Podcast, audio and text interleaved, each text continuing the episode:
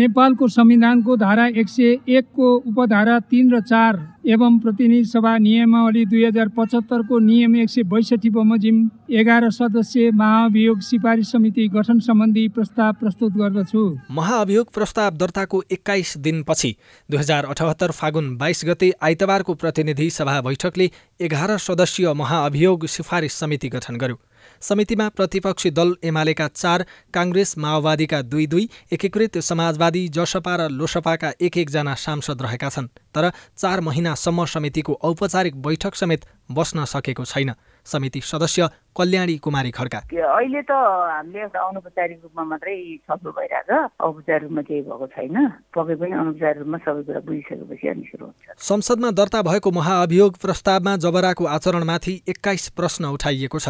प्रस्तावमा औल्याइएका प्रश्नमाथि छानबिन गर्ने जिम्मा समितिलाई छ। महाभियोगको प्रस्ताव पेश गर्ने आधार र कारण विद्यमान भए नभएको बुझ्ने र सिफारिस गर्ने स्वायत्त अधिकार समितिलाई भए पनि समितिले काम गर्न सुरु गर्न सके। समितिले काम सुरु गर्न सकेको छैन। काङ्ग्रेस सांसद मिनबहादुर विश्वकर्मा शीर्ष नेताकै कारण समितिले काम गर्न नसकेको बताउनुहुन्छ। यसलाई पास गर्नका लागि प्रमुख प्रतिपक्षीको पनि सहयोग चाहिन्छ।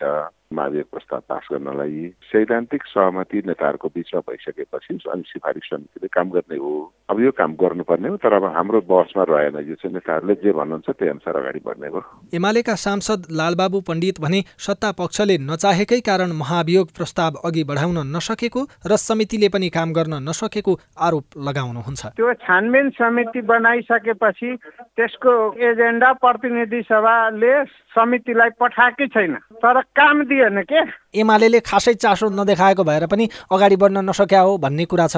एमालेको धारणा चाहिँ के हो? म आफै चाहिँ पटक पटक सदनमा बोलिरहेको छु बाहिर बोलिरहेको छु। त्यो गरिसकेपछि अनि एमाले रोकेको हुन्छ। संविधानविद भीमार्जुन आचार्य प्रधान न्यायाधीश बारेको विषय सार्वजनिक चासोको विषय हुने भएकाले छानबिनका लागि गठित समिति कामविहीन बन्न नहुने तर्क गर्नुहुन्छ। प्रधान न्यायाधीश उप चाहिँ महाभियोग लगाउने उपयुक्त देखेर प्रस्ताव अगाडि बढाइसकेपछि अब त्यो उचित थियो कि थिएन अथवा त्यसको तार्किक निष्कर्षमा पुग्दाखेरि के परिणाम आउँथ्यो त्यो चिज चाहिँ जान्न चाहने अधिकार नागरिकहरूको हो अब त्योबाट पनि वञ्चित गराए जस्तो लाग्छ मलाई संसदले संविधानमा प्रतिनिधि सभामा तत्काल कायम रहेका सम्पूर्ण सदस्य संख्याको दुई तिहाई बहुमतबाट प्रस्ताव पारित भएमा सम्बन्धित व्यक्ति पदबाट मुक्त हुने व्यवस्था छ हाल संसदमा कायम रहेका दुई सय एकहत्तर सांसद मध्ये महाअभियोग पारित हुन एक सय एकासी मत चाहिन्छ एमाले बाहेक प्रतिनिधि सभामा एक सय एकहत्तर मत मात्रै रहेको छ।